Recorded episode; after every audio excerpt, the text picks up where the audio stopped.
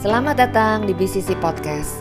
Sebentar lagi kita akan mendengarkan bersama kebenaran firman Tuhan yang kami yakin dapat memberkati dan menambah pengenalan Anda akan pribadi Yesus Kristus. Dari GBI Blessing Central City, selamat mendengarkan.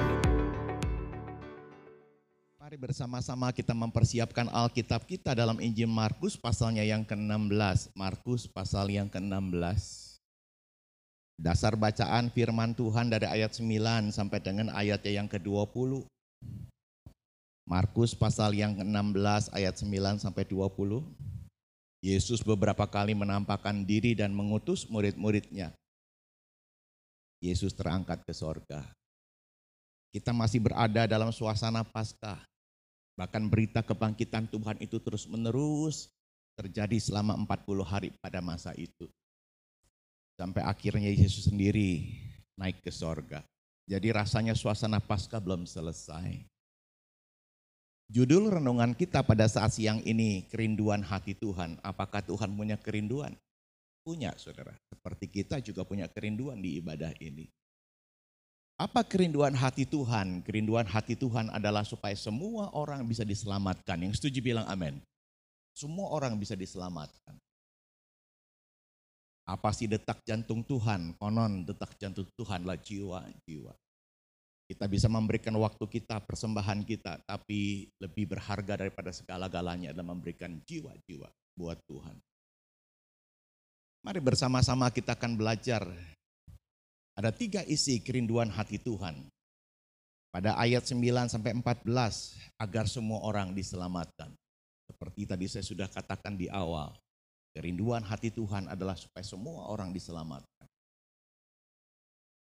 Ada tiga metode strategis pelayanan Tuhan Yesus pada masa itu. Dan kalau kita bisa-bisa simak, maka kita mengerti kita juga ada dalam salah satu daripada metode strategis ini. Yang pertama adalah metode pemberitaan Injil berulang-ulang, berulang-ulang. Jadi kalau satu jiwa kita layani belum bertobat, jangan putus asa dan jangan pernah menghukum. Ini bukan panggilan saya sebagai pemberita Injil. Jangan. Kita mesti lakukan berulang-ulang. Sebelas murid didatangi oleh Maria Magdalena yang melihat kubur itu kosong. Sebelas murid tidak percaya. Nah Tuhan berjumpa dengan dua murid yang perjalanan dari Yerusalem menuju ke Emmaus. Dan dua murid ini kemudian cerita kepada sebelas murid yang sama. Juga tidak percaya. Jadi pada satu kelompok sebelas orang ada perempuan Maria Magdalena, ada dua murid. Juga nggak percaya. Sampai pada akhirnya Yesus datang sendiri. Jadi berulang-ulang. Berulang-ulang. Saya ingat waktu saya ada di Bogor tingkat pertama, maka kakak kelas saya berusaha membawa saya ke gerejanya. Dan kalau dia datang ke tempat kos saya, saya ngumpet. Saya nggak mau. Dia dari GSJA. Saya aslinya GPIA. Tapi saya ngelihat bagaimana cara dia begitu tekun dan tebal muka. Dia tungguin, dia tungguin. Saya udah ngumpet, dia tungguin, saudara. Sampai pada akhirnya saya terpaksa keluar dari kamar dan saya bilang, saya belum mandi. Nggak apa-apa, saya tungguin. Aduh, saya lama-lamain mandinya. Saya ngeliat lagi dia masih tungguin. Rada jengkel. Tapi pada akhirnya saya keluar juga. Kenapa? Karena teman-teman bilang, Hen, lu ditungguin tuh. Dan akhirnya saya keluar juga. Dan dia berhasil membawa saya ke GSJA di Jalan Surya Kencana Bogor.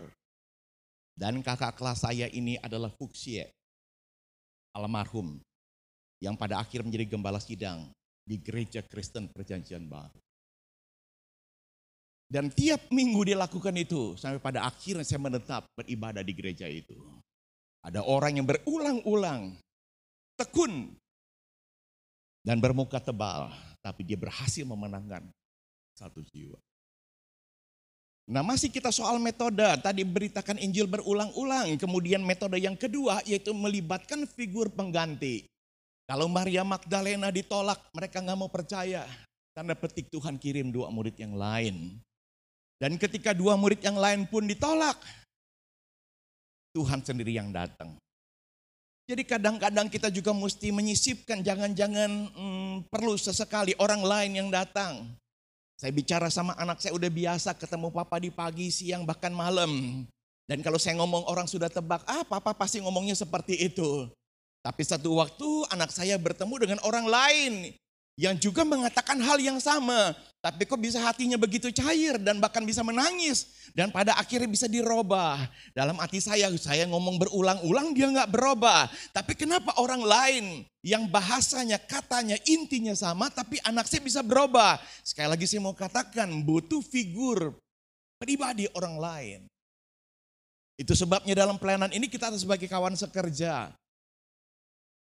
Jika kita keteter, kita butuh orang lain. Butuh orang lain. Butuh orang lain. Kadang-kadang di tempat lain pun kita yang dibutuhkan. Sama anaknya, sama mantunya gak bertobat. Tapi waktu kita datang kita ngomong beberapa kalimat. Eh si oma bisa menguncurkan air mata. Bahkan si oma sampai berkata ya udah kalau begitu. Hmm, saya mau terima Yesus. Saya memegang kelas pemuridan warisan daripada pendeta Amos Hosea. Dan di kelas kami ada orang-orang dari gereja lain ikut join di tempat kita. Dan salah satu siswa kami berkata, Pak Hendy apakah bersedia mendoakan mama saya yang masih agama muslim? Saya bilang saya bersedia, saya nggak keberatan. Jadi habis kelas kemudian saya mampir ke rumahnya, sebut aja Omah Yoram. Dan pada waktu si Oma ngelihat saya, si Oma langsung resisten, dia tidak mau menerima saya. Tapi saya berkata, Oma saya bukan pendeta, saya seorang guru. Waktu itu saya belum seorang pejabat. Jadi saya seorang guru. Dan si Oma membuka pintu hatinya. Dan dia berkata, duduk deh kalau guru boleh. Ah, saudara puji Tuhan. Dan saya belajar kalau besok orang tidak dengan tangan kosong. Jadi saya bawa jeruk saudara. Kita nggak bicara firman, kita nggak bicara tentang pribadi Yesus. Tapi kita membangun jembatan kasih. Dari duduk berjauh-jauhan akhirnya bisa sebelahan. Bahkan bisa membukakan jeruk, bisa membuang tali-tali jeruk. Dan akhirnya bisa menyuapkan si Oma. Ternyata si Oma ada penyakit kanker hati. Sudah sirosis, perutnya sudah gendut dan mengeras. Dua jeruk, tiga jeruk. Saya bertanya lagi, Oma apakah masih mau? Enggak, enggak, biarin aja. Sisanya taruh di meja. Saya berpikir tidak perlu berlama-lama, kami sudah direspon begitu baik. Saya berkata, Oma, Hendy permisi karena mesti kembali ke sekolahan. Loh kok cepat-cepat? Waktu dia berkata cepat-cepat amat, berarti saya sudah berhasil membangun jembatan yang cukup kokoh. Dan dia berharap supaya perjumpaan bisa terulang kembali. Saya bertanya, Oma kalau besok-besok saya datang bisa nggak? Boleh nggak? Oh boleh, boleh. Kapan aja kalau Hendy ada waktu datang. Wah luar biasa. Berita Injil belum disampaikan, tapi perbuatan Injil itu kasih sudah saya lakukan. Maka pertanyaan kecil saya, Oma, kalau saya datang nanti yang akan datang, Oma mau dibawain apa? Enggak usah, enggak usah. Jangan repot-repot. Asal Hendy datang aja, Oma udah seneng. Saya bilang lebih seneng lagi kalau Oma ada apa maunya, Hendy bisa beliin. Ya udah kalau gitu anggur, anggur. Saudara bisa order dan uh, anggur yang tanpa biji dan kemudian saya komunikasikan kepada istri saya, "Mama, ini saya hari apa akan besok seorang oma dan tolong belikan anggur yang tanpa biji." Jadi saya bisa datang untuk kedua kalinya seperti orang sedang membangun pacaran, Saudara. Kita bisa duduk sebelahan. Saya bisa kasih bahkan sampai ke mulutnya, dia punya. Dan pada waktu kekuatan hubungan ini terjadi, maka saya bicara mengenai pribadi Yesus. Saya saksikan tentang kebaikan Tuhan. Saudara, saya mau katakan kepada saudara, enggak perlu waktu yang terlalu lama. Kemudian saya tawarkan kepada Oma, apakah Oma mau menerima Yesus yang saya ceritakan itu? Mau, mau. Bagaimana caranya? Saya bilang mudah. Yang penting Oma percaya dan ikuti doa saya kalimat per kalimat. Dan akhirnya dia mau lakukan itu. Bukti kesungguhannya, bukti hatinya siap. Dia menyucurkan air mata. Aduh saya sangat terharu sekali. Kemudian kalimat saya berkata, Oma, anak Oma itu majelis di gereja, ikut di sekolah pemuridan saya. Tapi kenapa Oma nggak mau terima Yesus melalui anak Oma? Maka jawabannya mengagetkan, dia berkata, itu anak saya seperti setan. Waduh, saya kaget. Saya kaget. Berapa banyak kehidupan kita yang mungkin melayani di luar, melayani banyak orang tapi tidak menjadi berkat di rumah. Saya sudah sakit seperti ini masih disuruh ngepel nyapu, masih disuruh masak. Itu keterlaluan, itu anak jahat. Dia muntap kemarahannya. Jadi saya berpikir ada kalanya kita orang yang dekat tidak bisa memenangkan keluarga sendiri. Butuh orang lain, butuh figur pengganti. Dan kedatangan saya untuk kedua kali sudah membuka hatinya dan mau dituntun untuk terima Yesus. Bahkan sampai hari pemakamannya pun anaknya berkata ada wasiat dari mama. Dan dia mesti mengantarkan sampai ke kuburan. Pada akhirnya memang dia meninggal. Saya terharu. Ada di injury time, waktu-waktu yang sangat berharga dan sangat singkat. Tapi waktu itu saya bisa kerjakan sebaik-baik. Masih soal metode strategis, kalau tadi adalah memberitakan Injil berulang-ulang. Yang kedua, melipatkan figur pengganti. Maka metode yang ketiga, melakukan teguran yang keras dan tegas. Saya mengutip dalam bacaan kita ayat yang ke-14, akhirnya Yesus menampakkan diri kepada ke-11 orang itu. Ketika mereka sedang makan dan ia mencela ketidakpercayaan dan kedegilan hati mereka. Ada kata mencela. Ada kata hati yang degil. Oleh karena mereka tidak percaya kepada orang-orang yang telah melihat dia sesudah kebangkitannya. Jadi terhadap sebelas orang yang menolak Maria Magdalena, yang menolak dua murid yang sebelumnya, Yesus berkata, kamu degil Ya, ada kalimat kamu adalah orang yang tidak percaya. Waduh. Ini kalimat yang tidak umum saudara dalam penginjilan. Tapi lagi sekali saya mengemukakan dalam metode yang ketiga. Ada kalanya ada sebuah syok terapi di dalam kata-kata. Kata-kata yang tegas. Kata-kata yang bisa menegur dan membuat orang tersadarkan. Seperti ibadah di tempat ini jam 10, maka setelah ibadah saya salaman dengan jemaat. Itu ada di daerah Jakarta Utara. Dan kemudian saya bersiap setelah itu, saya berkata kayaknya udah gak ada acara lagi. Mohon saya permisi. Bapak Gembala mengizinkan, tapi Ibu Gembala berkata, Pak Hendi sebentar Pak, ada satu jiwa yang Bapak perlu layani di dalam. Oh begitu, Bapak buru-buru enggak? Saya bilang enggak sih. Kalau begitu Pak, mohon izin Pak, ke dalam lagi Pak. Ada seorang ibu yang perlu Bapak layani. Jadi saya didamping oleh ibu gembala ke dalam ruang ibadah dan bertemu dengan seorang wanita lebih tinggi daripada tubuh saya. Dan umurnya saya pikir lebih tua sedikit. Dia bersanggul dan pakai baju yang sangat necis. Saya menyimpulkan sementara orang ini orang kaya. Dan pada waktu ibu gembala mempertemukan saya dengan dia, maka ibu gembala mengantarkan kata-kata, Pak, silahkan Pak, sampaikan Injil. Waduh, kita nggak ada perencanaan. Jadi rupanya saya diketemuin untuk nginjilin ibu ini. Wah, ibu ini langsung berkata, Pak Pendeta, jangan coba-coba nginjilin saya. Saya nggak mau jadi Kristen. Saya kaget, saudara. Kok dia ada di gereja? Jadi saya ke gereja ini cuma diajak sama teman saya, Pak. Tapi saya nggak mau jadi Kristen. Jangan coba paksa saya. Aduh, dalam hati saya, ini bukan mau saya. Saya juga nggak lagi sedang memaksa dia.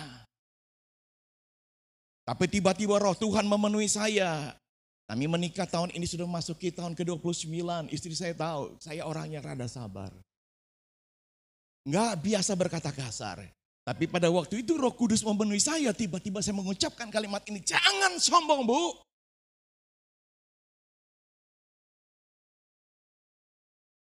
Saya tidak akan paksa ibu untuk jadi Kristen. Tapi kalau ibu mati tanpa Tuhan, ibu pasti binasa. Itu kalau mati, tapi kalau dibikin setengah mati, saya bilang itu jauh lebih susah. Enggak umum kata-kata ini. Tapi kata-kata ini saya tahu dorongan roh kudus yang begitu kuat. Dan saya ucapkan jangan sombong. Kalau ibu tanpa Kristus, tanpa Yesus, Ibu mati pasti binasa. Itu kalau mati, tapi kalau dibuat setengah mati, saya bilang itu akan jauh lebih menderita. Dan saya langsung buang badan saya. Enggak umum, sekali lagi saya katakan, saya enggak umum seperti ini. Dan ibu gembala sedikit mengejar saya, Pak Hendi minta maaf ya. Saya bilang enggak apa-apa. Dan saya pamit baik-baik dengan Bapak Gembala. Satu staf pemuda mengantarkan saya ke tempat di mana saya parkir secara paralel. Karena ruang ibadah tidak mencukupi jemaat parkir kendaraan pun tidak bisa di depan gereja. Cukup jauh. Nah dengan bantuan cukup cerdas daripada orang gereja ini akhirnya saya bisa keluar dari himpitan dua mobil. Seperti dalam ibadah ini setiap saya masuk ibadah handphone saya matikan. Dan ketika keluar handphone saya nyalakan. Dan saya langsung menuju Yuten untuk segera masuk ke pintu tol. Dan handphone saya sekarang sudah nyala. Tapi pada waktu handphone itu nyala berulang-ulang Bapak Gembala telepon saya. Dan saya angkat, saya bilang iya Pak. Ternyata Ibu Gembala, Pak Hendy please Pak tolong balik ke gereja. Saya bilang ada apa Bu? Ibu itu Pak. Ah dalam hati saya terserahlah. Pak please Pak tolong Pak, Ibu itu Pak. Dia mengalami sesak tidak bisa nafas. Kaget saya. Dan mungkin satu tikungan lagi saya sudah masuk ke pintu tol. Tapi saya urungkan, saya u balik dan ke gereja. Saya berhenti di depan gereja serah terima seperti ke valet parking. Saya berkata silakan kamu parkir di mana aja. Dan saya lari ke dalam. Dan ketika saya lari ke dalam ibu gembala sudah ada dekat ibu tadi. Dan ibu tadi itu terkapar. Ditutupi dengan dua selendang. Seperti ikan yang keluar dari areal airnya. Saya merendahkan sedikit kaki saya dan bertanya, mau apa? Ini tidak biasa saya melakukan seperti ini. Pak Pendeta, saya minta ampun Pak, saya salah. Saya bilang minta ampunnya kepada Tuhan. Ya tapi Bapak kan mau ampunin saya juga Pak, doain dong. Saya bilang ikuti doa saya, minta ampun dulu sama Tuhan Yesus per kalimat, tidak terlalu lancar. Dia taruh kedua tangannya di dada, saya doa. Ibu gembala ikut berdoa, bapak gembala ikut berdoa. Dan setelah kami berdoa, saya berkata, angkat ibu ini dudukan di kursi. Dan buatkan teh manis hangat. Biar dia bisa minum. Wah, keringat keluar bercucuran. Dan kemudian dia bisa mulai berbicara, bahkan berbicara lancar. Dia berkata, Pak, saya buat salah sama Tuhan. Saya berdosa sama Tuhan. Saya juga minta maaf sama Bapak, saya bilang apa. Dan kami sudah bisa bercakap-cakap lancar. Dan saya putuskan tidak ada hal yang perlu saya menunggu lama, saya pulang. Beberapa bulan kemudian saya melayani kembali di tempat itu, ibu itu sudah menjadi jemaat tetap. Bahkan ambil bagian sebagai asyir. Bahkan sampai hari ini satu keluarganya melayani pekerjaan Tuhan. Kalau saya mengenang pada waktu itu, saya bertindak tidak lazim. Saya tegas, saya kasar. Tapi justru itu men-trigger dia untuk membuka hatinya. Walaupun hal ini tidak umum. Mari kita melangkah dalam hal yang kedua dari tiga isi kerinduan hati Tuhan. Yang pertama agar semua orang diselamatkan dan itu memakai tiga metode strategis. Maka sekarang yang kedua. Pada ayat yang ke-15 sampai 18 isi hati Tuhan agar memperluas jangkauan pemberitaan Injil kita jangan hanya di rumah kita sendiri, kita jangan hanya di gereja kita sendiri, tetapi jangkauan di luar sangat luas. Sangat luas. Pergilah ke seluruh dunia, berarti menuju ke tempat-tempat yang lebih jauh. Kalau buat kita lebih jauh adalah beda. Jakarta Barat sekarang ke Jakarta Utara atau ke Jakarta Pusat, lakukan itu. Dan satu waktu mungkin suruh berkata semua Jakarta udah tak kelilingi, aku sekarang mau menyeberang ke daerah penyangga. Sebut aja Bekasi, sebut aja Tangsel, sebut aja Bogor. Maka engkau bisa ke sana memberitakan Injil. Beberapa orang pada akhirnya memutuskan saya mesti keluar Jawa. Dan kami pada waktu tahun 2010 memutuskan untuk fokus melayani di Kepulauan Mentawai. Ada tujuh kantong Kristen, tapi tinggal empat. Yang masih jumlah Kristen di atas 50 persen, tinggal empat. Dan salah satunya adalah Mentawai. Dan kami putuskan untuk fokus ke sana. Konon gereja, bahkan gereja misi paling banyak dua kali dalam setahun ke satu daerah. Bikin KKR, buat bakso, tidak salah. Tapi kalau cuma dua kali, besok-besok kita kembali, suasana sudah berubah, mereka susut kembali. Mereka turun kembali dan kami putuskan kami fokus, kami tanam pelayanan di sana. Kami punya 17 full timer di sana. Kami punya dua sekolah, kami punya satu stasiun radio dan kami punya empat asrama. Dan tidak terasa tahun ini adalah tahun ke-13. Bahkan kami memberikan beasiswa untuk berprestasi untuk sekolahkan S1 di Padang. Bahkan sudah 10 sarjana lulus. Anak-anak mentawai konon bodoh. Tidak, Asal mereka mau percaya kepada Tuhan, mereka mau hidup dalam tuntunan jalan Tuhan, Dan kita sebagai para mentor memperbaiki cara gizi mereka untuk makan. Karena kebiasaan mereka makannya ada keladi di pagi hari. Makan siang keladi, makan malam keladi. Dan keladi dikukus untuk satu minggu. Tiap hari makan keladi. Jadi waktu asrama kami didirikan, kami mulai belajar untuk mengatakan kita harus perbaiki gizi mereka. Setidak-tidaknya tiga kali dalam satu minggu itu ada protein nabati. Dua kali protein hewani.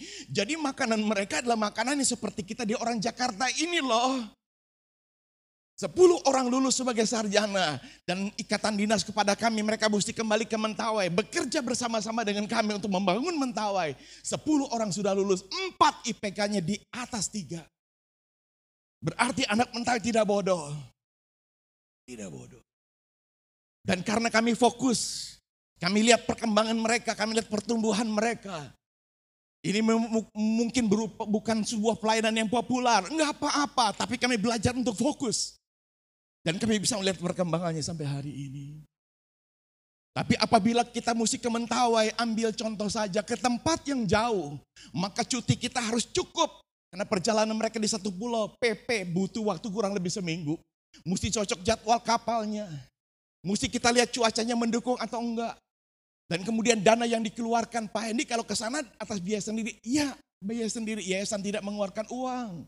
Berapa Pak? Saya bilang kalau kita mau nyawer kasih ke hamba Tuhan berikan kepada orang miskin. Mungkin butuh waktu 10, butuh uang 10 juta. Seminggu 10 juta dan resiko di perjalanan. Saya selalu berkata kepada istri saya kalau mama nggak izinkan, mama mesti ngomong saya nggak berangkat. Tapi kalau saya diizinkan, anak-anak mengizinkan, mama saya mengizinkan, gereja mengizinkan dengan mendoakan saya, saya akan berangkat. Saya akan berangkat. Saya nggak takut dengan badai. Tapi kalau mereka nggak mengizinkan saya kabur, mereka sumpahin saya biar batal, biar batal, biar batal, saya balik. Jadi butuh restu orang-orang kudus. Butuh tudung otoritas melindungi saya lewat doa-doanya. Tuhan ingin kita menjangkau secara luas ke tempat-tempat yang lebih jauh. Itu ayat yang ke-15. Lebih jauh. Pada ayat yang ke-16, siapa yang percaya dan dibaptis akan diselamatkan. Jadi pelayanan kita ternyata bukan hanya nginjil, bukan hanya buat seminar, tetapi melangkah ke titik yang lebih jauh, membawa mereka pada baptisan air. Nah untuk seperti itu mesti ada katekisasi. Ya sebut aja PA atau pemuridan. Dan bawa mereka untuk baptis air. Kami melayani di Pulau Enggano. Satu jemaat berkata, Pak saya mau dibaptis sekarang. Malam-malam saudara. Dan kemudian istrinya mendamping, Pak saya juga. Dua orang. Kita sering melayani di sebuah daerah transmigrasi. Dan pada waktu dua orang itu kami antarkan ke tepi sungai. Dua anaknya kemudian lari-lari, Mama, Papa, aku juga deh. Empat orang. Dan kakak adik perkebunan kelapa sawit itu dua keluarga berikutnya kemudian lari-lari membawa obor. Ini mau ke mana? Saya bilang saya mau membaptis keluarga ini ada empat orang. Kalau gitu saya juga deh pak. Tiga keluarga. Tiga. Tidak ada baju yang seragam yang ada salibnya di tengah. Tidak ada. Baju seadanya dan kami beritahu kepada mereka bagaimana caranya ketika akan dibaptis nanti. Dan kita turunkan satu persatu ke bawah dan cukup dalam lumpurnya. Mereka sangat bersuka cita. Dan kami pun bersuka cita. Dan saya percaya malaikat di surga pun bersuka cita. Yang setuju bilang amin. Ada 12 jiwa. Belum genap jam 11 malam. Ada baptis. Dan baru besok paginya kami kembali lewati daerah itu. Kemudian tuan rumah yang mengundang kami dari denominasi GPDI berkata Pak Hendi, ini tempat di mana kemarin kita baptis. Saya bilang, oh iya ya. Iya Pak, Puji Tuhan gak terjadi apa-apa. Oh saya bilang kenapa? Banyak buayanya Pak. Aduh Puji Tuhan deh, untung gak dikasih tahu. Yang setuju bilang amin. Ya kalau kita dikasih tahu, lain ceritanya. Kita akan pilih besok terang matahari. Tapi kalau terang matahari belum tentu yang satu orang itu jadi, berdua sama istri jadi, dua anaknya jadi, belum tentu. Even di mana mereka spontan, kita juga akan mengarang sebuah gerakan spontan. Masih dalam hal yang sama agar memperluas jangkauan, menuju ke tempat yang lebih jauh, menuju ke tahapan lanjut, misalnya tadi baptisan air. Berikutnya dalam ayat 17 sampai 18 di mana kita sedang memperluas jangkauan. Kita menuju kepada demonstrasi kuasa Tuhan, demonstrasi kuasa Tuhan. Ayat 17 tanda-tanda ini akan menyertai orang yang percaya. Wow, ini luar biasa. Jadi ketika sebuah pelayanan gak hanya pemberitaan Injil, tapi tuntun bantu mereka sampai baptisan. Bahkan selanjutnya demonstrasi kuasa Tuhan. Banyak persoalan pribadi dalam kehidupan mereka. Keterikatan dengan kuasa gelap. Okultisme. Yang lain-lain diganggu kalau tidur gak pernah bisa nyenyak. Waduh saudara ini hal-hal yang menarik. Yang lain lagi sakit penyakit. Dan kita kalau ada di ladang misi saudara. Saudara berani melangkah ke tahap itu. Aduh Pak saya belum pernah melakukannya, sekarang melakukannya. Dan saya punya pengalaman dalam hal ini Tuhan sangat royal melakukan mujizat pada saat kita ada di ladang misi. Tuhan sangat royal. Engkau berkata di Jakarta saya nggak pernah ngalamin seperti ini, makanya melangkahlah. Melangkah. Saya melayani sebuah persekutuan rumah tangga. Karena anak daripada keluarga ini adalah anak sekolah minggu saya.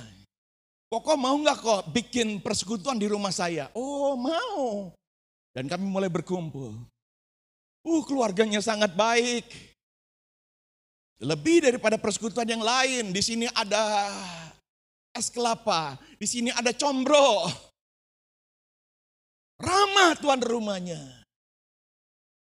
Dan persekutuan yang diperlengkapi dengan makanan ini menarik orang-orang datang. Dari 5, 10, 15, 20, 30. Wah jadi besar persekutuannya.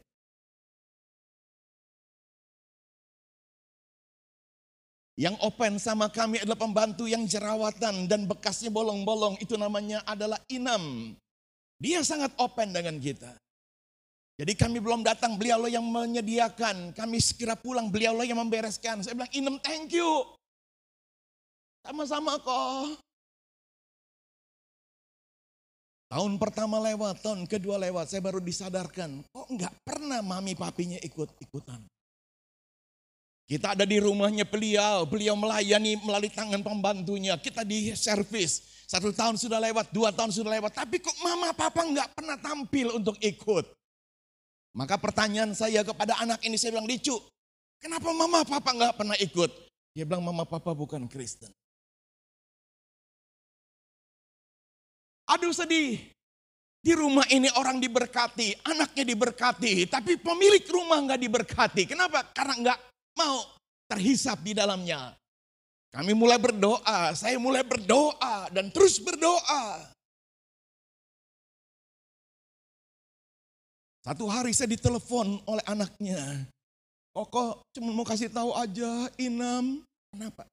Inam masuk rumah sakit, kesebor minyak panas. Dan ditunjukkan bangsa di rumah sakit RSCM, saya menuju ke sana. Aduh kasihan sekali. Bukan hanya lepuh, tetapi mata yang satu tidak bisa melihat lagi. Dan waktu saya membesuk, Inem langsung mengkerut dan berkata, kok kenapa besuk? Saya bilang, emang kenapa? Saya kan Saya bilang tidak, kamu sama dengan saya. Kamu anak Tuhan. Karena kamu juga melayani pekerjaan Tuhan. Enggak, saya bukan itu. Saya cuma membantu. Saya memahami sebuah keterharuan dia. Saya bilang, ini bagaimana keadaan kamu? Dia bilang, ya kayak gini kulit saya semua kena minyak panas. Tapi dia nangis lagi. Tapi kenapa? Mata yang satu udah nggak bisa ngeliat sama sekali. Uh, waduh, bangsal itu isi enam orang. Roh Tuhan begitu kuat memenuhi saya. Saya bilang, Inam bolehkah saya melihat mata yang tidak bisa melihat itu? Waktu itu ditutup pakai seperti uh, apa namanya tuh, uh, mungkin seperti belakangnya kura-kura itu loh, tapi dari aluminium. Dan kemudian dia membukanya ada banyak lapisan-lapisan daripada uh, plester. Dan kemudian dia cabut. Waduh di dalamnya lagi ada plester. Ini juga mesti dibuka kok. Saya bilang boleh. Waduh. Itu luka sampai ke pici mata, saudara. Saya memahami kepedihan dia. Mungkin kalau kulit bisa diobati, kalau sampai mata buta, itu sesuatu penderitaan yang berkepanjangan. Dan pada waktu saya melihat seperti itu, saya berkata, Inem, coba tutup mata yang sakit. Jadi ini mata yang bisa melihat. Saya bilang, apakah Inem bisa melihat kalender itu? Bisa kok, coba bisa baca. Baca. Inem bisa melihat angka yang di bawahnya itu, coba lihat yang merah itu tanggal berapa? Bisa. Dia bilang, Ida minta maaf, ganti sekarang. Mata yang baik ditutup, tidak perlu dilekatkan. Dan mata yang rusak sekarang membaca. Bisa nggak? Nggak bisa. Nggak bisa. Dan pada waktu itu ini seperti sebuah tantangan di altar kol, sebuah KKR. Orang-orang di situ dari bangsal-bangsal mulai berdiri untuk melihat sesuatu. Dan kemudian saya berkata kepada Inem, Inem sekarang saya mau berdoa buat matamu. Dan kemudian saya pegang tapi tidak menekannya. Saya berkata di dalam nama Yesus, mata melihatlah. Dan pada waktu kalimat itu saya ucapkan orang-orang semua pada bingung. Kenapa saya mengucapkan kalimat apa? Dan roh kudus di dalam saya begitu kuat dan berkata, uji. Waduh, waktu dibilang uji, saya mulai ngeper saudara. Jangan-jangan nggak terjadi apa-apa, tapi roh kudus di dalam saya begitu kuat. Uji. Saya cuma berkata, baik Tuhan. Saya bilang sekarang ini mata yang sehat ditutup kembali, mata yang sakit melihat ke kalender, tapi sekarang pindah. Nah di situ ada tulisan sebuah figura. Saya bilang apa tulisannya? Dan dia bisa baca. Saya bilang bergeser sedikit inem, itu ada tulisan lagi. Itu namanya pintu masuk si Tuhan. Dan orang-orang yang di situ langsung berkata, dia bisa melihat, dia bisa melihat. Saya sampai baru kaget ternyata dia bisa melihat saudara. Dan berita ini kemudian sampai ke tempat keluarga majikannya. Dan kemudian anaknya berkata, kok cuma mau kasih kabar, ini mau sekarang udah di rumah. Loh kok saya bilang pisah, dokter udah nyatakan dia sembuh. Oh, Cuma orang yang melayani. Sampai pada akhirnya Inem juga duduk ketika acara sudah firman Tuhan. Kenapa? Karena tugas-tugas bawa apa, bawa apa udah selesai. Dia duduk di situ, dia ikut ibadah kita. Bahkan sampai Natal saya memerintahkan diri untuk berkata kepada mama papanya. Saya bilang, tante om kalau nggak keberatan di Natal kami. Om tante bisa datang. Oh pasti kami datang. Tuhan itu hebat ya Hen. Kaget. Mujizat dibutuhkan dan mujizat ada di depan mata kita dan mujizat itu bisa kita lakukan ketika kita berani untuk mendoakan. Entah itu sebuah kelepasan dengan cara mengusir setan, entah berupa penumpangan tangan, tapi jangan pernah berkata, karena aku punya karunia ini. Jangan saudara. Tuhan lebih suka orang-orang yang lugu. Yang melihat dirinya nggak bukan apa-apa dan nggak punya apa-apa. Cuma dia punya Yesus. Yang setuju bilang amin. Dia punya Yesus. Mari kita akan tutup khotbah dengan hal yang terakhir, hal yang ketiga. Judul khotbah ini adalah kerinduan hati Tuhan.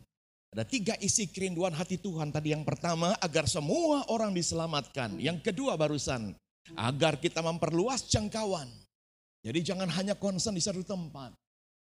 Di luar begitu banyak yang menunggu kita. Dan sebuah pengalaman akan banyak kita rebut, kita raih, kita bisa terima kalau kita melayani. Sekali-sekali keluar. Mari yang terakhir sisa bacaan kita ayat 19 sampai 20 agar kita tidak lupa daratan. Waduh kalimat ini. Uh, heboh dah. Supaya kita tidak lupa daratan. Mengapa? Supaya kita disadarkan Tuhanlah yang memanggil kita. Tuhanlah yang memilih kita. Itu bukan ucuk-ucuk mau kita. Yohanes 15 ayat 16 berkata bukan kamu yang memilih aku. Tetapi akulah yang memilih kamu. Dan aku telah menetapkan kamu dan supaya kamu pergi dan menghasilkan buah dan buahmu itu tetap. Jadi semuanya ada di tangan Tuhan. Pada waktu dia memanggil, pada waktu dia memilih, pada waktu dia menetapkan, pada waktu dia mengutus, itu semuanya dalam kedaulatannya Tuhan.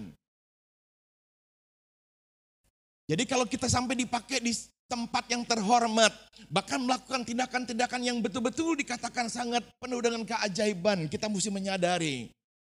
Itu semuanya karena anugerah yang setuju bilang amin. Dan waktu engkau diminta untuk ke gang sempit, waktu engkau diminta ke tempat yang jauh, waktu engkau diminta ke sebuah nama tempat kolon jembatan atau para pemulung, engkau bisa, engkau tidak perlu menolaknya.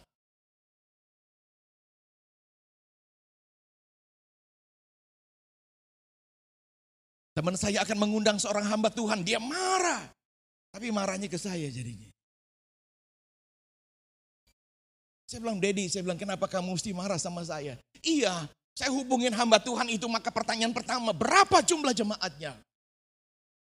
Kami gereja kecil Pak, baru ngerintis, dewasa 50, anak-anak kurang lebih sekitar 15 anak. Sorry ya, saya nggak kelas itu. Gitu.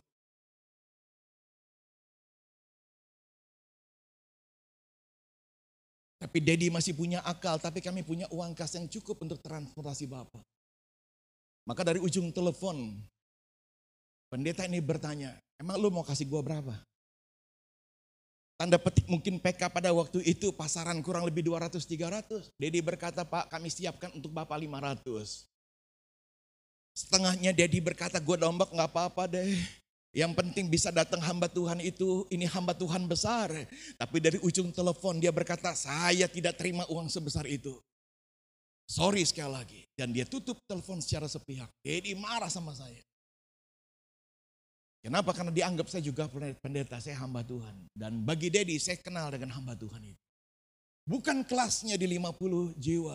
Dan 500 ribu sebagai PK pada waktu zaman itu menurut saya sudah cukup besar. Itu bukan kelasnya dia. Dia tutup. Cara saya. Saya berkata, Dedi, saya bilang enggak semua hamba Tuhan kayak gitu. Kalau kamu undang saya dan berkata, Pak, kas kita cuma segini, enggak usah ngasih. Kenapa? Karena saya pun diselamatkan karena anugerah diberikan dengan cuma-cuma. Yang setuju bilang amin. Saya bisa melayani sampai ke mana-mana. Saya bilang itu pun karena anugerah. Saya tidak cari untung, tidak cari makan dari ladang misi. Dari pekerjaan saya khotbah. Karena di tempat di mana Tuhan akan berkati saya, walaupun saya nggak menabur di situ saya bisa menuai. Yang setuju bilang amin. Itu cara Tuhan memberkati kita.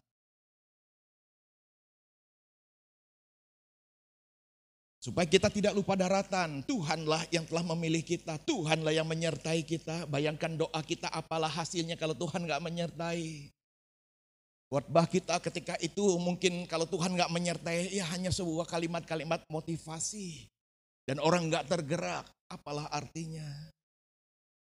Tuhanlah yang memperlengkapi kita. Saya ingat ketika seorang Philip Mantova berkata kalau ada orang dikasih lima, orang dikasih dua, dan sayalah yang satu talenta itu. Saya merasa rendah diri, saya ngerasa nggak bisa buat apa-apa karena saya ini orang yang nggak pede. Yang kedua saya gagap. Tapi beliau berkata yang satu talenta itu enggak saya kubur di dalam tanah, tapi saya aktifkan, saya ikut di persekutuan doa. Saya aktif di gereja, saya ada dalam satu komunitas bertumbuh bersama-sama. Dan saya menyadari kata dia, ternyata pada waktu itulah Tuhan mulai proses satu talenta itu. Dan dia menyimpulkan, talenta itu bisa berkembang. Tuhan melipatkan orang lain untuk memperlengkapi saya. Wow. Jadi selama kita hanya ngurung diri di rumah, ngancing pintu di kamar, maka tetap satu. Tapi pada waktu kita mau berangkat ke persekutuan, berkenalan dengan teman-teman keluarga kecil kita. Kita mau melayani di gereja untuk hal apa aja walaupun cuma senyum di depan pintu. Dan kita bertemu dengan banyak orang, Tuhan yang akan memperlengkapi.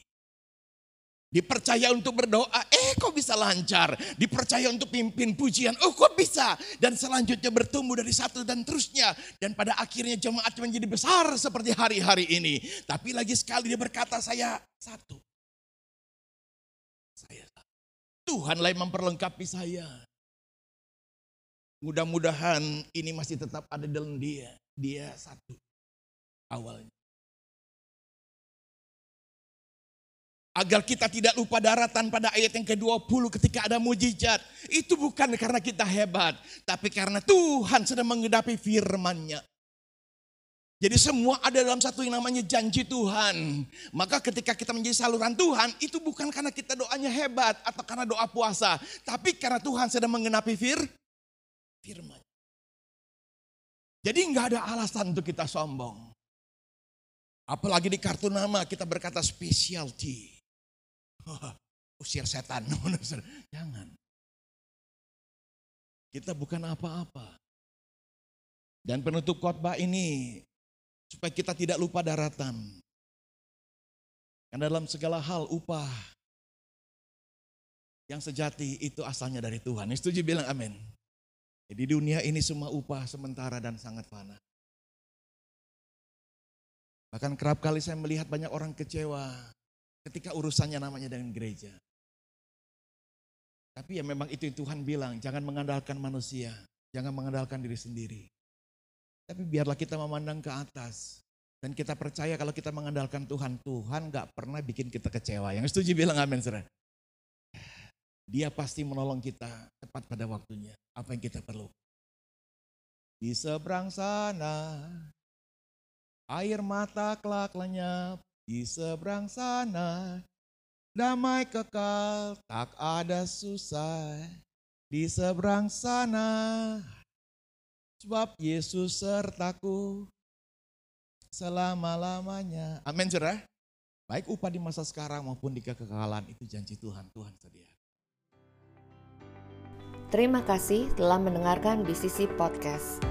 Kami berharap firman Tuhan hari ini memberkati dan menguatkan Anda lebih lagi.